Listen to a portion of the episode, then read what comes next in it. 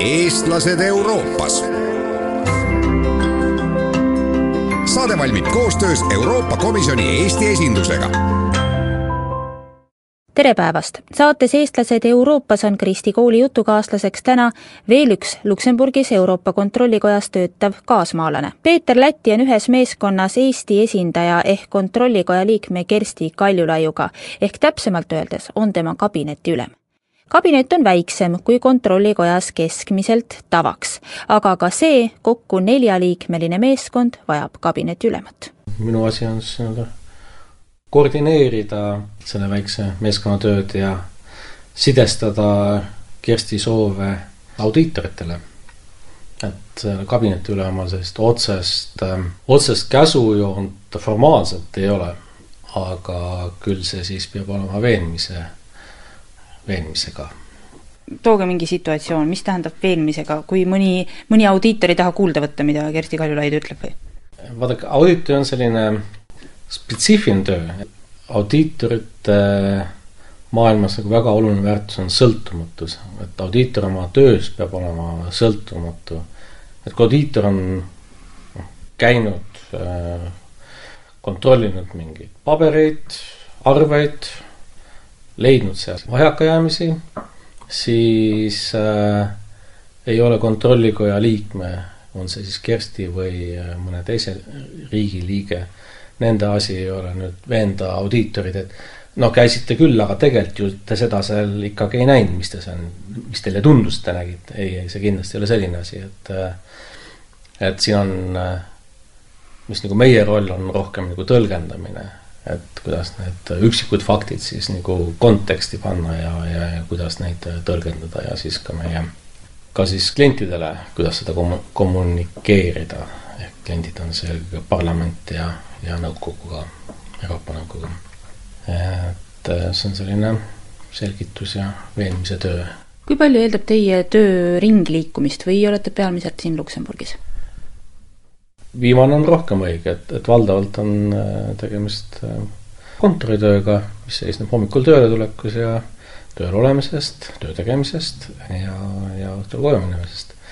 aga noh, tänuväärsus ma saan kindlasti, kui, kui nagu majast välja saab ja ja, ja kui, kas me oleme siis nagu päris auditi meeskondades äh, ka olnud aeg-ajalt äh, või siis äh, Eestis saadetavaid auditimeeskondi toetanud nii-öelda keele ja juhtimiskultuuri ja struktuuri teadmisega, et üld, üldreeglina Eestis käivad Euroopa Kontrollikoja audit baltimeeskonnad eesti keelt ei valda, nad peavad siis, on nad siis ungarlased või sakslased või itaallased, peavad siis eestikeelsete dokumentidega hakkama saama, mis mitte lihtne ei ole. Kas on tunda ka, et äh, mõnikord võib-olla tehakse riikidel vahet siinsamas äh, teie kontrollikojas, et noh, nii palju on vahet öeldud, korruste kaupa on siin, äh, vanad riigid on nagu kõrgemal, allpool korrustel on uuemad riigid, aga aga, aga noh, see on ju ainult, kuhu keegi paigutatakse, aga kas on mingis mõttes ikkagi ka tunda, et Eestil, väiksel riigil, uuemal riigil tuleb ennast võib-olla rohkem tõestada?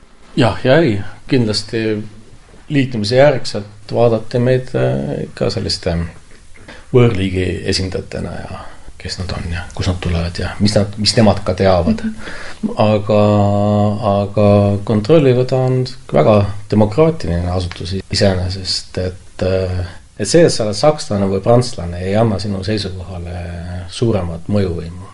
et see võib-olla noh, raske spekuleerida, kuidas komisjonis see nagu toimib, aga kontrollikojas on tõesti, nad ikkagi minu arusaamise järgi eelkõige kes kontrollikoja liikmed on nagu väga, väga võrdsed ja, ja nende päritoluriik ei anna, ei anna neile küll nagu rohkem mõjuvõimu. noh, loomulikult toimuvad sellised sama kultuuri ruumi inimesed võib-olla saavad üksteisest paremini aru ja jõuavad kiiremini ühisele meelele. aga jah, et kes kus korruse peal istub, tõenäoliselt hetkel enam ei oma mingit, mingit tähtsust, et siin on kuidas nagu ajalooliselt kujunenud, et esimesena saabujad paigutati ülemisele korrusele ja siis riburada pidi on jõutud juba esimese korruseni. tõenäoliselt praegult, kui nagu kontrollikoja vaatab, kes on nagu mõjuvõimsamad kontrollikoja liikmed, siis äh, tõenäoliselt hetkel asuvad nad äh, sellel kursusel, kus Kersti Kaljulaid asub. kas see organisatsioon ka, mis kuidagi kasvab või areneb või tegelikult ta on nüüd paigas, kabinetid on moodustatud, liikmed on valitud ja jätkub tavapärane töö? no väga muutuv on, e, eriti iseloomulik on kontrollikoja see, et ta on tsükliliselt muutuv, et äh, kui jälle mõne liikme mandaat saab läbi, tuleb uus liige, siis äh, jälle jagatakse ümber äh, just need vastutusvaldkonnad, nimetame neid portfellideks. ja, ja, ja kindlasti ka sellised jõujooned joonistatakse ümber ja siis lihtsalt, kui palju muutust on, sõltub väga palju ka ikkagi, et, äh, et palju siis nagu korraga liikmed vahetub siin on selline rotatsioon pidev, iga, iga aasta-kahe tagant jälle paar tükki läheb, et nad on kuidagi ajalooliselt lihtsalt, millal see liitumine on olnud, siis on ka nii-öelda nende liikmete äh, ametimandaat või ametisoleku aeg äh, muutub siis või noh, lõpeb ära ja, ja kas siis uuendatakse või ei uuendata. aga noh, mitte ainult kindlasti ei ole selline normaalne verevahetus, mis seda organisatsiooni muudab, vaid ka ütleme, iga organisatsioonil on oma loogiline toimimine ja on sellised äh, aktiivsemaid perioode ja vähem aktiivsemaid perioode, on selline reformi tegemise soovi ja siis on jälle sellist, inimesed tahaks stabiilsust ja rahu. noh, kontrollikojas selline suurema reformi aeg oli aastat kolm-neli tagasi võib-olla, kus, kus päris oluliselt nagu korraldati ümber tööd ja noh, sisuliselt tõenäoliselt kohanes äh, kahekümne seitsmele liikmele siis. mingid muutused on jälle lähiaastatel ees ka kontrollikoja jaoks, sest äh, Euroopa Liit ise muutub. uued, uued rollid ja kohustused, mis Euroopa Liidule tulevad ja, ja noh, kes siis auditeerib ja, ja, ja maksumaksja soovil neid äh, tegevusi siis kontrollib, on ikkagi kontrollikoda. mis tähendab, et kontrollikoja noh, peab jälle ennast kuidagi nagu Münchhauseni kombel tõstma, et juustest üles ennast nagu paremaks tegema, et mis on nagu, mis on nagu kindlasti raske, et et ühest küljest on meil selline suletud karjäärisüsteem ju, et mm. ametnikud tulevad nagu, nagu ikka, euroametnikud tulevad, valduvad läbi konkursside, enamik ametikohti on alalistele ametnikele, kui sa oled kellegi aastal üheksakümmend kolm tööle võtnud, siis ta on ka siin aastal kaks tuhat kolmteist aga tööülesanded on muutnud ja, ja, ja nõuded ametikohal on muutnud ja noh, kas inimesed jõuavad siis kaasa minna. et noh, küsimus, et kas meil täna on siis need inimesed tööl, kes Euroopa stabiilsusmehhanismi äh, toimimist suudavad auditeerida või, äh, või ütleme siis äh, suudaksid hinnata, kas Euroopa Komisjoni tegevus liikmesriikide eelarve, eelarvete ohjeldamisel on selline reeglipärane ja mõistuspärane, et eh, noh, need on tõesti need ülesanded, mis kontrollikojal lähima viie aasta jooksul ees seisavad ja nende jaoks on võib-olla nagu teistsuguseid inimesi vaja, kes siiani on töötanud ja ja seal kindlasti noh, selline heas mõttes traditsiooniline Brüsseli jutumärkides bürokraatia seab piirid ette, et ta vabadus värvata sobivaid inimesi on kindlasti nagu piiratud, aga noh, see on nii-öelda kontrolli, kontrollikoja liikmetele pea murdmiseks rohkem.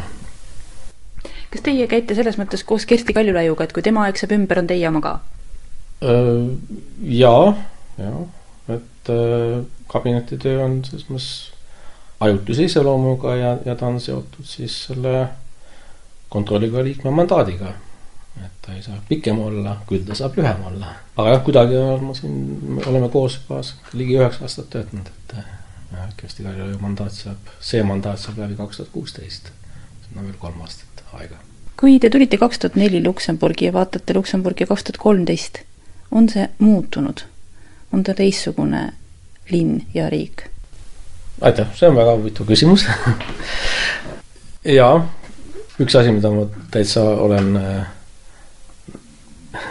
nautinud äh, nii-öelda huvi seisukohalt äh, siin Luksemburgis on vaadata, kuidas äh,, kuidas Luksemburg ise muutub ja, ja mitte selles mõttes, et äh, palju siin uusi hooneid on, aga mis on nagu huvitav Luksemburgis jälgida just, et kuidas äh, kohalik rahvus ehk siis Luksemburgi rahvus tekkinud on või tekkimas on. et minu esimene kogemus Luksemburgil oli aastal kaks tuhat ja mäletan sinna, veetsin kuus kuud talvel stažöörina ja Luksemburgi keelt, mis on siis selline saksa keele dialekt, ütleksid lingvistid võib-olla, Mosel Frankish öeldakse selle kohta lingvistiliselt, vähemalt vanasti öeldi. nüüd poliitiliselt korrektne on öelda luksemburgi keel, siis seesama luksemburgi keel on kuidagi, äkki ta on nähtavaks muutunud.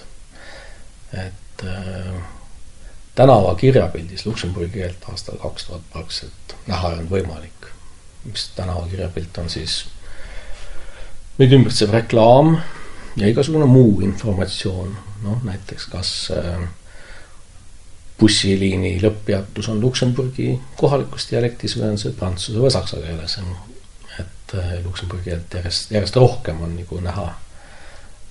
või siis ähm, kui külastada näiteks raamatupoodi, siis äh, on tekkinud riiul Luksemburgi keelsete raamatutega, mida isegi viis aastat tagasi väga raske leida oli, sest siis oli üldjuhul see luksemburgikeelne raamaturiiul võib-olla kümme ühikut, siis praegult äh, on seda kindlasti juba võib-olla ligi sadakond isegi, et äh, hakkas vaikselt pihta lasteraamatutest ja nüüd järjest-järjest enam on isegi mingit ilukirjandust juba tekkinud, esimesed luuleraamatud luksemburgi keeles, et see on selline huvitav protsess, mida on nagu, mida on põnev, põnev vaadata kõrvalt, et äh, eriti on ka nagu huvitav võrrelda kodumaal käimasoleva järjekordse debatiga Eesti rahva väljasuremisest, siis nagu näha on, rahvused surevad ja sünnivad, et Luksemburgi puhul on tõesti näha, kuidas, kuidas selline väike rahvas tekkimas on.